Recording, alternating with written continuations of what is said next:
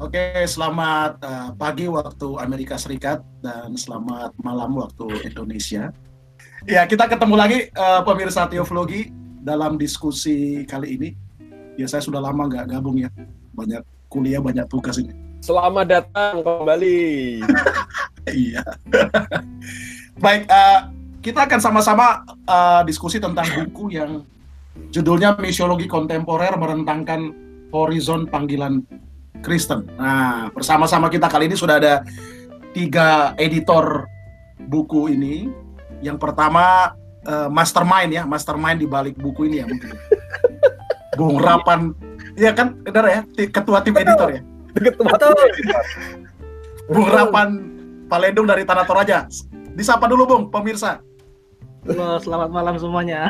Iya, dari Tanah Toraja loh, ini luar biasa ya. Iya. Koneksi internet ya. juga lancar di sana. Oh, puji Tuhan. Sudah ada internet ya? Iya. Sudah, udah. Kita pakai komputer kok. Yang kedua Mbak Indah dari Kabanjahe ya, calon pendeta ini. Waduh, luar biasa. Selamat malam, oh. Mbak Indah. Selamat malam. Iya, dan Bung Indio juga editor dan juga tim Teoflogi. Bung Indo, sapa dulu dong. Pemirsa dari Manhattan. Shalom. Iya. Dan selamat malam Bung Daniel. Oke, okay.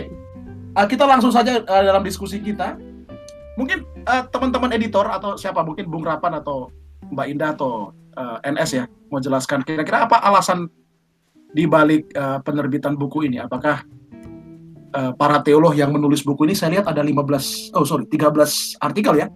Mm -hmm. dan yang menarik ternyata ini bukan cuma dari kalangan Kristen ya ternyata ada satu dari Romo Yus eh Kiai Haji Yusuf Daud ya juga iya, menulis. ya, di di ya, buku ini. Menarik sekali. Nah, kira-kira apa apa alasan dari uh, tim untuk menerbitkan buku ini? Apakah ada keresahan, kegelisahan tertentu melihat misi Kristen atau monggo monggo, Bung Rapan, Mbak Indah atau Bung Enes? Oke, okay, baik. Um, semula uh, buku ini merupakan uh, paper-paper yang di di presentasikan oleh telok-telok muda uh, yang tergabung dalam acara annual meeting ATI di tahun 2016 lalu di STT Satya Bakti Malang. Bertema misiologi uh, lokal dan global uh, dan teman teman-teman dari berbagai tempat di Indonesia kemudian uh, uh, memasukkan makalahnya melalui call for papers dan terkumpullah makalah-makalah uh, yang ada dalam buku ini sekarang. Lalu buku-buku uh, itu kemudian uh, uh, kumpulkan kembali dan buat buku yang sekarang. Uh, kenapa kemudian buku ini diterbitkan karena uh, kami merasa, Ati merasa pada saat itu belum ada buku uh, handbook untuk tema misi sehingga buku-buku uh, yang makalah-makalah uh, yang sudah sudah kami kumpulkan sudah dipresentasikan di annual meeting ATI 2016 itu uh, kami terbitkan menjadi sebuah buku dan harapannya bu, uh, buku ini nanti bisa menjadi handbook untuk kelas-kelas misi di Indonesia. Uh, singkatnya kira-kira seperti itu. Baik, baik. Mungkin Dan Mas Ninjo satu bisa bisa satu satu info mungkin untuk pemirsa ya. Saya cermati ya. juga dari para penulis ini ternyata dari berbagai lintas tradisi ya. Betul, betul, betul, Bang. Betul, ada betul. dari kalangan ekumenikal, ada dari kalangan Pentakosta, Injili. Ya, ini layak dimiliki berarti sebenarnya ya. Sangat, menarik. sangat. Iya. Oke, ada penjelasan tambahan mungkin dari Mbak Indah atau ya, Bung NS? Dari teman-teman lain. Iya. Uh, uh, perlu digarisbawahi juga di sini. Uh, ini makalah-makalah kan dipresentasikan tahun 2016, tetapi baru terbit itu awal tahun 2019. Hmm. Nah, kenapa sampai sedemikian lama? Yang pertama, memang konsep dari AT kami tidak ingin membuat proceeding. Hmm. Nah, betul. Proceeding itu kan berarti bahwa semua yang dipresentasikan terus kemudian otomatis akan dipublish. Gitu gaya proceeding itu akan sangat berbeda uh, dengan konsep buku. Maka kami memilih untuk membuat buku. Dengan kata lain, memang artikel-artikel yang masuk itu akan diseleksi, lalu akan uh, dikembalikan kepada penulisnya setelah uh, tim editor itu memberikan masukan-masukan-masukan, masuk kembali dan kemudian bisa dikembalikan lagi supaya uh, terjadi ini ya pengasahan gagasan begitu supaya penajaman gagasannya lebih baik. Uh, nah, seperti itu. Bahwa artikel-artikel yang masuk dalam buku sampai misiologi kontemporer ini juga terpilih. Kami kepinginnya menerbitkan sebanyak mungkin artikel, tetapi tidak mungkin karena mengingat juga jumlah halaman uh, dan uh, harga penerbitan. Maka yang dapat kami lakukan adalah mengompres uh, artikel-artikel tersebut dari lebih 26 artikel itu hanya menjadi 12, 12. dengan segala risiko hmm. bahwa uh, ada artikel yang tidak bisa dimasukkan begitu. Hmm. Tetapi sekali lagi konsepnya adalah bahwa buku ini memang terpilih uh, berisi artikel-artikel dari penulis-penulis yang telah mempresentasikan uh, manuskripnya di pertemuan ATI tahun 2016. Mungkin Atau mungkin berkenaan dengan dengan uh, uh, kejama, kemajemukan penulis uh, betul sekali yang yang yang uh, Bung Ferdian tadi sampaikan. Nah, nanti juga Bung Rapan atau Mbak Indah boleh menambahkan. Memang penulis dalam buku Bunga Rampai ini sangat beragam. Jadi tidak mewakili satu pandangan atau dua pandangan baik tradisi maupun komitmen. Tradisi yang saya maksudkan apakah Reform, Presbyterian, Lutheran, uh, Mennonite dan sebagainya. Tetapi memang sangat beragam di satu sisi. Tetapi juga kita melihat um, komitmen terhadap pandangan mereka itu juga beragam ada yang komitmennya Injili, ada yang komitmennya ekumenikal. Bahkan kita lihat seperti yang tadi Bung Ferdian juga sampaikan, ada penulis lintas agama yaitu uh, Ustadz ya. Yusuf Daud. Hmm. Begitu. Ya, ya saya, saya cermati ini uh, isu-isunya menarik ya. Misalnya uh, Ibu Septemi misalnya bahas soal apa misiologi luka ya. Uh, ini sangat sangat relevan dengan mungkin berkaitan dengan apa peristiwa-peristiwa uh, apa uh, violent ya yang terjadi. Atau kemudian misalnya juga dengan Bung Rapat di sini juga menulis misalnya soal tongkonan ya. Mm-hmm, uh, sangat sangat berkaitan dengan kultur di Toraja misalnya. Uh, apakah apakah berarti juga uh, motivasi dari teman-teman ini melihat kurangnya misalnya isu-isu misi mendarat mendarat di bumi Indonesia atau bagaimana? Hmm, menarik, menarik pertanyaan itu. Uh, pas banget memang waktu bagiannya Kak Ibu Temi itu saya yang uh, mengeditorin walaupun doi uh. lebih jago. Tapi menarik menarik adalah karena uh, Bu Temi itu me menyuarakan satu suara misi yang tidak pernah terdengar gitu. Jadi biasanya kan selalu misi itu berbicara tentang uh, ini sebenarnya mendobrak uh, pola pikir misi yang sudah mengakar di gereja-gereja lah. Dan ketika saya membaca ini pun saya juga merasa tertampar dengan gereja saya sendiri dalam bermisi kan gitu. Jadi hmm. uh, wajah baru sih yang mau di mau ditampilkan gitu. Budaya tidak ditinggalkan tapi uh, luka juga tidak ditinggalkan karena budaya dan sejarah tidak pernah lepas dari luka dan itu yang mau ditunjukkan dan ketika itu ditonjolkan, ketika itu diungkapkan, ternyata kita juga sedang bermisi. Nah itu kan hmm. uh, menarik ya, hmm. uh, menarik, menarik sekali bagi gereja, terkhusus gereja-gereja berbasis suku lah. Itu nanti yang lebih dijelaskan oleh uh, saudara Rapan, ketua editor kami. Gitu aja sih yang menambah. ya. Sebelum Bung Rapan menambahi, saya menggarisbawahi apa yang dikatakan oleh Mbak oh. Indah Daniel ditanya mengenai apa itu misi, jawabannya apa? Bahwa pandangan yang konvensional tentang misi itu yang kita terima apa? Pergi mengabarkan Injil, itu kan Terus dia masuk Kristen. Iya, dia memenangkan jadi Kristen, jiwa, memenangkan ya. jiwa, bangun Betul. gereja yang baru dan sebagainya yang dan megah. seterusnya. Iya. jadi jadi mau tidak mau kadang-kadang tujuan misi itu diartikan saya membangun gereja hmm. dan makin banyak orang yang masuk ke gereja saya begitu nah itu yang yang dianggap dianggap misi gereja yang misioner gereja misioner ya. berarti ada ada tambahan-tambahan jiwa tetapi yang dilupakan di sini adalah rangka berpikir kita mengenai misi sedemikian sempit makanya hmm. dalam dalam dalam dalam buku ini ada tiga hal yang paling tidak disentuh yaitu pertama memberikan landasan um, pemikiran, fondasi, misi yang berbeda dari yang sudah-sudah. Makanya kalau kita melihat nanti Kak Temi uh, membahas mengenai masalah luka, trauma, kemudian uh, Pak John Simon bicara mengenai misi emansipatoris, Pak Nelman bicara mengenai persahabatan, uh, Ibu Kartika me membahas mengenai misi keteladanan, virtue, mission. Nah, itu itu pandangan-pandangan yang kita sendiri tidak atau mungkin jarang dibahas di STT STT, Bu. Ada satu uh, uh, uh, boleh boleh ini ya oh, sambil saya boleh boleh oh, saya, boleh, saya boleh. counter juga dengan ini ya counter dengan uh, mungkin apa yang lebih baik umum dalam ya. apa umum dalam pembicaraan soal misi kan ya uh, sering kali kan apa dalam sejarah misi itu kan ada ada yang mengatakan terjadi perubahan paradigma dari yang dulu itu apa misi eklesia ya mm-hmm. uh, misi yang berasal dari agenda gereja kemudian berubah menjadi missio dei misi yang berasal dari dari Tuhan begitu ya dan dan kalau saya baca dari bagian uh, pengantar editor kalau hmm. tidak salah juga anda anda menuliskan misalnya soal uh, dari dari dokumen WCC misalnya ya exactly bahwa misi itu berasal dari hati Trinitas misalnya ya yeah. uh, seperti missio Dei.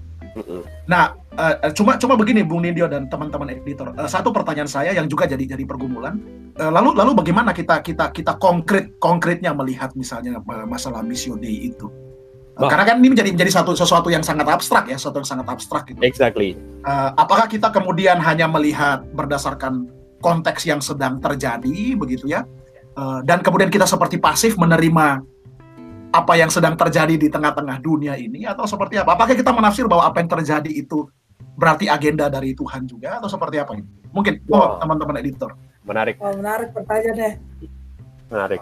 Ya karena itu itu saya saya juga pikir uh, semester ini ada juga mata kuliah uh, tentang misi dan saya tanya sama dosen saya. Jadi ini ini realistisnya apa kan? Jujur lebih konkret agenda misi misi eklesia ya. Ya, menangkan ya. menangkan jiwa kan ada ada jelas gitu loh. Uh, dan, dan, dan, dan, dan, dan ini teman-teman editor jujur jujur ya uh, gereja itu pasti pingin agenda yang konkret begitu. Iya. Iya kan. Jadi kalau misalnya kita anggaplah kita kita ngomong ke level grassroots di gereja ya, mereka pasti akan tanya, ah, terus apa? Apa konkretnya begitu? Bung Ferdian, justru kekhawatiran kami dan kenapa buku ini terbit yaitu uh, terlalu banyak konkret yang kurang berpikir. Jadi justru tidak ada pendalaman dan tidak ada tidak ada uh, refleksi sehingga misi hanya menjadi begitu-begitu saja. Begitu ya kan? Bahwa eksistensi eksistensi gereja harus bermisi, tapi apa itu bermisi? Tidak pernah dikoreksi, tidak pernah dipikirkan ulang, tidak pernah direfleksikan ulang. Padahal seperti yang dikatakan oleh Bung DS bahwa hidup yang tidak terrefleksi atau gereja yang tidak berefleksi diri itu tidak layak untuk dihidupi. Hmm. Nah, justru, cantik itu cantik. Misi pun, misi pun seperti itu bahwa misi itu pun harus terus direfleksikan ulang. Nah, menjawab apa yang dikatakan oleh Bung Rapan, sebenarnya di pengantar itu juga uh, apa sudah sudah disebut. Nah, kalau kalau Bung uh, Bung Bung, Bung, Bung Perdian ya uh, sudah disebut di situ. Apa itu misi? Uh, di paragraf ketiga sebenarnya sudah ada di situ dalam Together Towards Life. Wah, kalau di kelas misi Anda membaca masalah teks ini, Bung, itu itu luar biasa bagusnya. Nah, di, di, dikutip di situ, inti dari mengapa kita melakukan apa yang kita lakukan dan bagaimana kita menjalani kehidupan kita. Dengan kata lain, apa itu misi? Misi adalah kehidupan sehari-hari. 24 jam. Itulah misi Kristiani. Dan justru ketika ketika orang Kristen melakukan 24 jam kehidupannya bagi Allah, bagi sesama, dan tidak ada dikotomi di sana, maka orang Kristen sudah melakukan misi, Bu. Hmm, hmm. Betul, betul. Nah, betul. itu itu itu yang yang dikatakan di Jadi misi itu tugas siapa? Bukan tugas gereja. Hmm. Misi itu siapa yang melakukan? Bukan programnya gereja, hmm. tetapi setiap orang Kristen berpartisipasi di dalam misi. Wah ini ini menarik ya. Nah, saya iya. saya sedikit boleh. Oh ya boleh boleh boleh silakan. Silakan mau silakan, silakan. Oh ya. Uh, menyambung Ninja juga tadi, uh, saya pikir tema-tema yang diangkat dalam uh, buku ini justru hadir dari pergumulan-pergumulan praktis di di uh, lapangan atau di jemaat dan kemudian di dianalisis, direfleksikan dengan teori-teori misi yang kemudian berkembang sekarang dan uh, justru ketika ditanya apakah apa apa langkah praktis dari percakapan dalam buku ini uh, justru hadir dari pergumulan-pergumulan di lapangan atau di jemaat. Uh, uh, dan dan lahir da, dan nyambung dari Mas Ninja tadi yang mengatakan uh, apa yang sebenarnya terlalu praktis yang diwaris oleh gereja-gereja hari ini ter, kurang direfleksikan, kurang di, didalami lagi secara teoritis. Nah, buku ini justru mau menyajikan itu, yang dari dari lapangan, dari jemaat, dari hal-hal yang praktis, kemudian direfleksikan ulang di, di secara teoritis dan lebih reflektif. Kira-kira begitu. Artinya begini, boleh nggak saya saya sedikit uh, tarik satu kesimpulan kecil? Sebenarnya buku ini bukan kemudian menafikan apa yang dikerjakan gereja ya. ya. Betul. Berarti betul, apa betul. jadi ini supaya tidak ada misunderstanding ya, gitu. Jadi Oh iya. jadi se iya. sebenarnya buku ini bukan hendak mengatakan bahwa apa yang dikerjakan gereja selama ini salah sebenarnya kan. Tidak. Betul. Jadi tidak. buku buku ini justru ingin Iya. mengajak gereja dan kita semua sebagai orang-orang percaya ini untuk masuk dalam refleksi yang lebih mendalam begitu ya. Exactly. Betul, betul, betul. Karena Betul. saya takut karena saya takut begini uh, Bung Dinio dan teman-teman ya. Eh, kadang-kadang akhirnya kan jatuh ke satu ekstrem atau ke ekstrem yang lain gitu loh. Iya.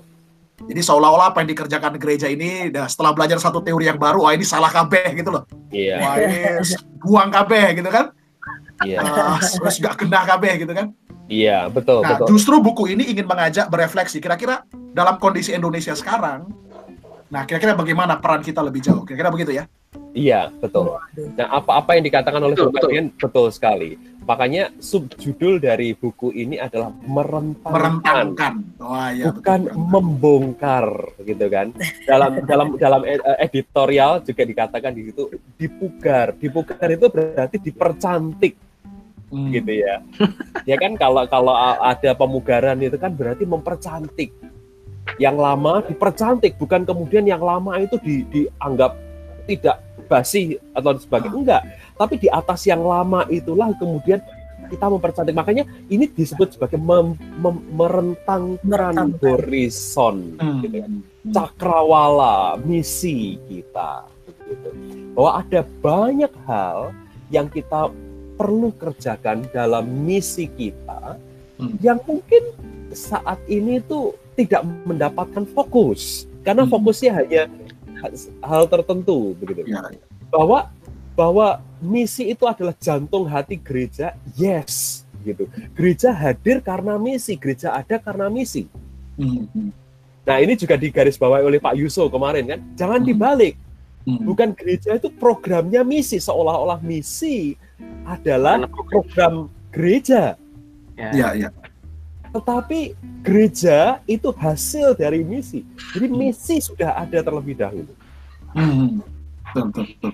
Eh, tapi yang menarik aku tambahin dari eh, apa yang dibilang Mas Nindo eh, karena kosakata merentangkan dan me- mempercantik eh, misi gereja dan ini menjadi menarik kepada para teolognya dulu sih sebenarnya makanya buku ini di, diciptakan gereja tidak bisa eh, berlaku apa pun jika para para pendetanya itu tidak tahu konsep eh, refleksi teologi ini.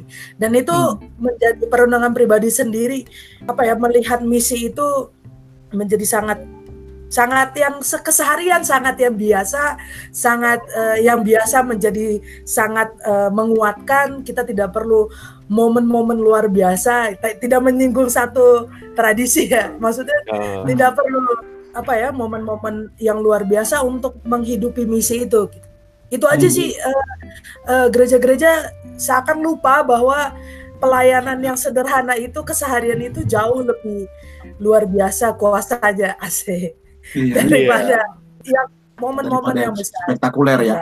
Ya, saya juga ingat karena di eh, semester lalu ini kami belajar apa satu mata kuliah tentang teologi kontekstual. Kemudian tugas dari dosen itu kami diminta untuk mempelajari situasi tentang polisi di Amerika begitu ya. Awalnya saya pikir ini ah, nggak ada kaitan dengan misi begitu kan. exactly. Eh, tapi kami kemudian diminta untuk apa eh, taking field notes ya, etnografi, kami interview, ya, ya, eh, in- ajarin tuh interview. Oh itu NS itu yang jago itu. Aku ngawur. Etnolog dia, etnolog. Dia papernya yang lalu itu etnografi loh, ngawur. eh. Epi- epidemic ignorance. Jadi kami sampai interview kepala kepolisian di sini gitu ya, kemudian belajar Wah dan itu apa jadi jadi menarik karena iya betul kata Mbak Indah tadi ya ternyata dan kami juga wawancara beberapa warga sekitar sini ya eh, komunitas African American kemudian Hispanic Eh, dengar kisah-kisah mereka yang tadi kata Bung NS tadi 24 jam 7 hari seminggu itu ya Mm-mm. wah itu itu anu apa sangat sangat inspiratif dan yang sayangnya betul di sekitar sini gereja jarang mengadres itu Hmm, Iya, exactly. jarang mengadres, jarang Iya. mengadres dan dan itu ternyata masalah yang sangat besar di sekitar komunitas Elkart ini gitu. Iya. Banyak yang ditembak segala macam. Nah, contoh saja misalnya ya, eh, Elkart ini 52 ribu penduduknya. Peristiwa penembakan tahun lalu itu 8 eh, sorry 20-an kasus dan itu mirip dengan kasus penembakan di New York City yang notabene populasinya 8 juta begitu. Hmm, hmm, hmm. Wow, Jadi wow. kasus kekerasan di sini lebih banyak, tapi gereja nggak adres gitu. Gereja nggak adres. Saya Hmm. contoh-contoh. Bung Ya. Enes mau tambahkan mungkin Bung Enes mau Apa yang dikatakan oleh Bung eh, eh, Ferdian juga juga itu yang yang dalam pikiran kami bahwa misi buku ini disebut sebagai misi kontemporer dalam arti bahwa kami berpikir bersama dengan tempo gitu kan? Kon itu bersama temporer itu kan asalnya dari tempo. Jadi bers- bersama dengan waktu di mana Tuhan menempatkan gereja-gereja itu ada. Nah, dengan konteks Indonesia yang demikian kaya, merentang dari Sabang sampai Merauke, puji Tuhan masih Sabang sampai Merauke kan, bahwa justru misi kita sangat beragam, concern sangat beragam, dan seperti yang tadi disampaikan oleh Mbak Indah juga bahwa justru dari berbagai macam latar belakang, eh, bukan hanya dominasi di Jawa atau Jakarta bahkan, tetapi semua em, suara-suara dari pulau-pulau yang lain juga kemudian diapungkan dan dimasukkan ke dalam buku ini, maka kita akan melihat artikel-artikel yang ada di dalam buku ini sebuah, sebagai sebuah harmoni. Hmm. Tapi juga. Ini menarik. Kehadiran yang lain dari kita, kehadiran seorang Muslim di tengah-tengah uh, buku ini, Ya. uh, yaitu Romo Ustadz Yusuf Daud, juga membuat kita perlu berani untuk merenung juga. Apa sebenarnya misi ketika yang lain itu hadir. Apa artinya misi ketika seorang yang beragama berbeda itu ada di tengah-tengah kita. Nah, ini juga perlu dipikirkan, begitu kan, Bung? Ini yang yang justru justru kita melihat juga eh, harmoni ada di sini. Jadi kadang-kadang kita berbicara mengenai misi itu kan hanya di kalangan kita dan untuk orang lain. Tetapi bagaimana melakukan misi di kalangan kita dalam hadirnya atau dengan hadirnya yang lain itu di tengah-tengah kita. dan dan Bung NS saya makanya saya kaget tadi ya wah ini menarik sekali karena ada eh, Pak Yu- Yu- Pak Yusuf Daud ya yang yang memberikan dan saya saya nggak tahu apakah teman-teman misalnya eh, tahu buku apa buku dari Pak Sumanto Kurtubi ya yang Hmm. Oke. eh, apa Among the Believers itu ya. Seingat saya di buku itu dia tulis ada satu bab pada saat dia eh, kuliah di IMU kemudian diundang oleh eh, satu gereja di di Harrisonburg oh, oh, saya lupa di gereja mana pokoknya di Virginia itu ya. Uh, untuk bicara soal ini soal misi gitu. Iya, iya. Jadi justru seorang muslim diundang oleh gereja untuk berbicara soal uh, misi dan dan yang menarik alasan gereja karena ingin belajar dari dari yang lain juga. Exactly. Nah, ini menarik Betul. menarik menarik menarik. Eh, saya lihat-lihat lagi daftar isinya, jadi justru terpikir bahwa percakapan misi yang diangkat oleh buku ini sangat-sangat seperti tadi pengalaman eh, Cak Per soal eh, kekerasan Hmm. ada juga di sini dan dan justru ada beberapa tema-tema lagi yang sebenarnya hadir dalam eh, pergumulan keseharian eh, kayak misalnya tafsir Pancasila dari eh, Stella Peti Pelohi Ya. Eh, dan dan hari ini kan kita juga sedang menghadapi eh, relevansi Pancasila di, di di Indonesia ini atau misalnya ketidakadilan eh, Mbak Mary Kolimon dan Mas Dinju sendiri bicara soal natur erotik gereja gitu dalam ruang publik. Nah, tema-tema ini sebenarnya menurut saya seperti yang saya bilang tadi hadir dari pergumulan praktis atau pergumulan keseharian di Indonesia saat ini dan untung untungnya juga banyak teman-teman yang menulis dari luar Jawa dan tidak ber- meninggalkan kesan bahwa misi di Indonesia itu hanya di Jawa dan misi. Indonesia itu ada dari tempat lain dari Kupang dari uh, Minahasa dan sebagainya. Hanya Iya. saya sayangkan, saya mungkin kalau bisa kasih input ya. Boleh, tentu. Hmm. Ini saya coba sayang, Bung, eh, satu isu yang sebenarnya sangat sangat relevan di Indonesia belum diadres di sini, isu korupsi. I see. Yes. Oke. Yes. Ya itu dan, dan betul. dan saya kalau nggak salah pernah juga diskusi dengan Bung Nindyo gitu ya. Saya kok jarang eh, membaca gitu ya tulisan-tulisan dari teolog Indonesia yang addressing persoalan korupsi. Jadi Iya. tulisan bukan dari sisi sosiologis atau antropologis ya atau politik gitu ya, ekonomi, tapi dari sisi teologi gitu. Iya, iya. Dan iya. rasanya masih minim ya eh, addressing kita Iya, eh, iya. teolog Indonesia terhadap masalah eh, korupsi dari sisi teologis begitu. Iya, iya, iya, betul, betul, betul. Kita Ah. suka uang, kita suka uang, tapi tidak pernah berefleksi tentang apa itu Betul, uang. iya betul. Dan dan dan dan uh, Bung Nindyo dan Bung Rapang ya, saya kalau misalnya browsing artikel akademik tentang korupsi itu kebanyakan justru dari Afrika. Iya, iya. Jadi betul. teolog-teolog Afrika itu lebih lebih maju Ah, dalam berbicara oke, soal oke. ini gitu. Ha-ha. Saya kok lihat wah kita ini kok agak ketinggalan ya dalam soal korupsi misalnya. Iya. Seperti tadi yang dikatakan oleh Bung Rapan ini, ini bisa menjadi proyek karena bicara mengenai korupsi itu juga topik yang besar Betul. sekali. Satu Betul, betul, betul, Yang betul. kedua, waktu kami meng- eh, melayangkan eh, call for papers, memang tidak ada yang mengadres masalah korupsi, Bu. Korupsi, betul, betul, betul. Ya, betul, kami betul. sebenarnya ingin juga eh, melihat berbagai macam pandangan, perspektif yang muncul eh, dari dari lingkungan yang berbeda-beda. Tapi ya memang ternyata korupsi belum menjadi concern, tetapi justru ini yang akan akan akan menjadi proyek menarik untuk betul, betul, betul, masa-masa yang akan datang. betul. Nah ini sangat-sangat Mungkin ada annual meeting annual meeting khusus korupsi gitu. iya iya. Maksudnya betul. annual meeting untuk melakukan korupsi. Iya betul Bung Rapan. Saya malah betul kalau bis- misal karena ini kan masalah masalah kita ya di, di Indonesia ya yang apa Iya. terstruktur masif dan sistematis TSM itu loh Iya. Dan Iya, brutal, kan? brutal. brutal begitu loh dan ini bukan kesan saya Bung Rapan uh, Bung Nindyo ini bukan cuma masalah politik di luar gereja Iya. bahkan mungkin juga dalam gereja internal sendiri Iya. uh, Betul. ada gitu loh praktek-praktek seperti ini kan yang mungkin juga bisa kita refleksikan kita address begitu. Exactly, exactly. Nah, satu hal juga mungkin yang tidak boleh eh, dilupakan yaitu kalau bicara mengenai misi masa kini itu eh, kita tidak pernah dapat melepaskan tradisi Pentakosta dan karismatik Hmm, hmm.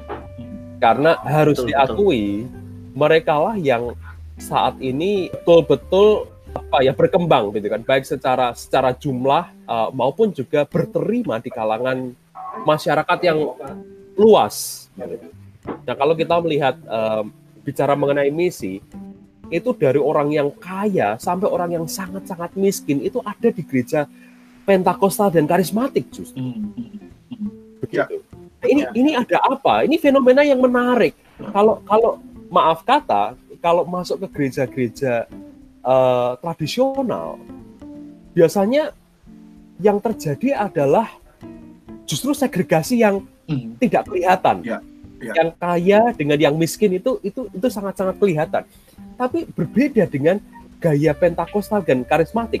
Makanya artikel Pak Gani Wiono di sini itu adalah artikel yang sangat-sangat compelling. Misalnya, ada orang-orang yang miskin yang justru bisa melayani sebagai pemimpin pujian seperti itu. Ya. Nah, sangat mungkin kalau ini di gereja-gereja konvensional dan tradisional, siapa yang bisa tampil di depan? Hmm. Kalau tidak punya pengaruh, kalau tidak punya duit, kalau tidak punya jabatan, Hmm. gitu kan? Tapi justru di gereja-gereja Pentakosta Hmm. fenomena ini ada. Betul. Bahwa tidak mu- perlu mereka itu punya oh, punya gelar, jabatan atau pengaruh di dalam gereja, tapi mereka diterima di situ. Itu yang menarik buat saya dan itu yang justru menyentakkan saya bahwa misi juga harus memperhitungkan kehadiran gereja-gereja Pentakostal Hmm. yang sangat aktif. Betul, betul, betul, betul. Ada lagi tambahan mungkin dari Komennya beli buku ini, jangan sampai tidak dibeli. eh, sebagai catatan buku ini diterbit- diterbitkan oleh ini ya eh, BPK ya BPK Gunung Mulia. BPK Gunung Mulia. Oke, Mbak Indah, monggo Mbak. Ada lagi tambahan? Permisilah dalam keseharian, itu aja sih. Wah, keren. Iya. Lalu bagaimana untuk mendapatkan buku ini? eh, ada kontak person dari eh, Ati sendiri namanya Kak Agustina Samosir. Sekarang lagi promo harganya masih 100 nanti bisa 200 kalau melejit Iya. tingkat penjualan. Nah. nanti usul saya, Bung NS atau teman-teman mungkin bisa diposting di ini ya. Di, Ada, ada di bawah. Ada ya, ada linknya Ada ya. di bawah uh, Ada linknya ya? link YouTube ini. Oke, Iya. siap, siap. Oke, siap. Uh, narah hubungnya siapa dan berapa Iya. uh, nomor telepon yang Iya, bisa iya, iya. dikontak Iya. ada. Gitu. Bung NS, Nah, yang terakhir, statement Iya. terakhir. statement saya terakhir mungkin in terms of price harga mungkin sangat menakutkan ya 100 ribu rupiah tetapi coba bayangkan untuk mendapatkan satu buku dengan 13 penulis dengan harga 100 ribu rupiah itu Murah. tidak ada tidak ada di dunia ini begitu ya. Kalau mau Menarik, dihitung menarik. kalau mau dihitung-hitung eh, tiap penulis itu kan walaupun kami pro bono tapi kalau mau dihitung-hitung tiap penulis itu hanya kurang dari sepuluh ribu bung Iya. Dan, Nah. dan editornya gratis ya, editornya gratis. iya iya. sangat Sakno, sangat. sakno rek. Eh, Bung, Ini Bung, Ya, Bung Berdian, ini, Ya, ini, ya. ini misi sesungguhnya. Ini misi lah. Ini Amin. misi sesungguhnya. amin. Ya.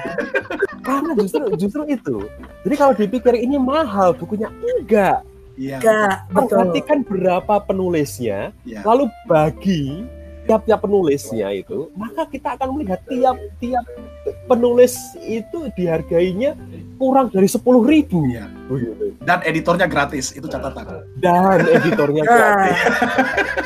7.000, kan Mas? gratis? Justru, justru inilah kerinduan Bung Rapan, Mbak Oh, Indah dan iya. saya, begitu ya, untuk memang menghadirkan eh, ilmu di kalangan teolog-teolog Indonesia, gereja-gereja di Indonesia, bahwa ilmu itu tidak perlu dipikirkan mahal, tetapi ilmu itu justru harus dibagikan bersama-sama. Iya. Maka kalau rekan-rekan membeli buku ini, pikirkan juga untuk dibagikan dengan orang lain. Nah itu penting. gitu betul. ya. Jangan memberi, jangan membeli hanya untuk diri sendiri, tapi Iya. bagikan untuk orang yang lain. Bagikan untuk gereja-gereja Anda, bagikan untuk STT-STT al- uh, alma mater Anda. Iya. Karena buku ini sangat penting. Betul, betul. Silakan statement terakhir. Ikro. Baca ya kan baca. Baca Ya, buku ya. ini. Betul. Bacalah. Bacalah, maka kamu akan Bacalah. pinter gitu ya. Iya. Ada statement terakhir, Bung? Cuma itu aja baca ya. Juga kita harus merentangkan horizon di sini Bung Rapan. Kalau Anda tidak membaca, tidak apa-apa, belilah. Berikan hadiah untuk orang-orang yang Kepada orang membutuhkan. lain, ya, kepada orang Iya. lain. Sip, sip. Ingat, ada begitu banyak rekan-rekan yang kuliah di STT yang tidak bisa Iya. uh, membeli buku ini. Iya, betul. Dengan dengan menyisikan uang dan memberikan kepada mereka, itu juga sangat baik karena mereka mereka akan sangat Iya. diperkaya dengan hasanah wacana wacana terbaru yang uh, diterbitkan dalam buku ini. Baik. Dengan kata lain, jangan ragu untuk membeli buku ini. Baik, baik. Ya, jadi pemirsa, ah, ini ini diskusi yang yang luar biasa ya. Eh, dan lagi-lagi saya perlu ingatkan ke pemirsa dan kita semua bahwa sebenarnya buku ini menarik karena eh, buku ini ditulis oleh penulis-penulis lintas tradisi begitu ya. Dan Jadi- asli Indonesia. dan asli Indonesia. Dan eh, benar-benar semangatnya adalah kesatuan eh, gereja begitu ya. Jadi keesaan gereja kebersamaan eh, tidak menonjolkan yang satu dan mengabaikan yang lain begitu. Jadi kalau anda ingin belajar tentang perspektif misi dari kelompok tradisi lain nah ini buku yang sangat baik untuk memulai belajar tentang kelompok yang lain nah beberapa mungkin kesimpulan kecil ya sebelum kita tutup Silahkan. Eh, saya ingin berikan catatan di sini ya. Jadi misi misi itu bicara soal kehidupan kita sehari-hari. Jadi misi itu bukan berbicara soal eh, agenda tertentu begitu ya. Misi itu beranjak dari hati Allah dan pencermatan kita akan kehidupan sehari-hari. Dengan kata lain sebenarnya banyak sekali isu yang bisa kita temui ya di sekitar kita ini, eh, di sekitar lingkungan kita. Nah ini juga mungkin mendorong teolog-teolog Indonesia, rohaniwan untuk mungkin bisa menulis kelak ya. Dan tadi usul tentang korupsi nih. Nah, ya, mungkin ini utang dari Ati ya. Berikutnya next annual meeting tentang korupsi. Hmm. Dua tahun lagi, ya siap. NS sudah balik itu.